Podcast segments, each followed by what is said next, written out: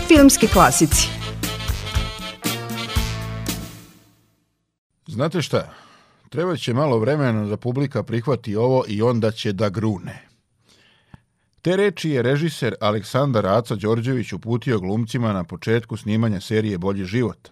I tako je i bilo. Autor Siniša Pavić je nekoliko puta u intervjuima isticao probleme na početku snimanja.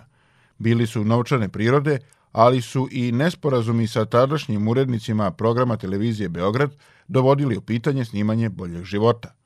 Do preokreta je došlo kada je tadašnji direktor televizije Beograd Nenad Ristić otišao na putovanje u unutrašnjost zemlje. Došavši na ručak u jedan hotel, začudio se zašto nema kelnera i konobara da ga posluže. Na pitanje šta se dešava dobije odgovor da celo osoblje gleda bolji život. Tako je publika u pravom smislu te reči presudila u korist serije i snimanje je nastavljeno.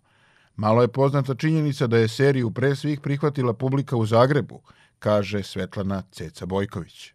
Srela sam se jednom prilikom sa Arsenom Dedićem i on je rekao pa to je sjajno, pa vi nemate, pa ti nemaš pojma, pa koliko se to u Zagrebu gleda. Pa je ta Emilija Popodić koja je ovde prihvaćena i ovako i onako u početku. Zagreb je odmah prihvatio tu gospođu, razumete, to je gospođa.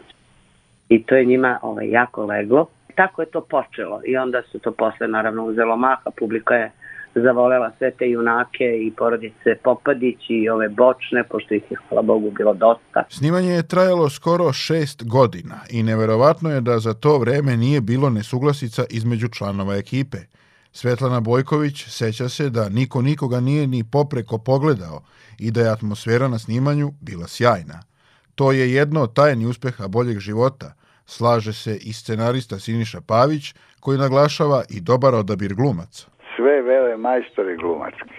Nikad nijedna serija nije imala takvu ekipu glumačku da god pipneš, da god napišeš epizodu ulazi majstor.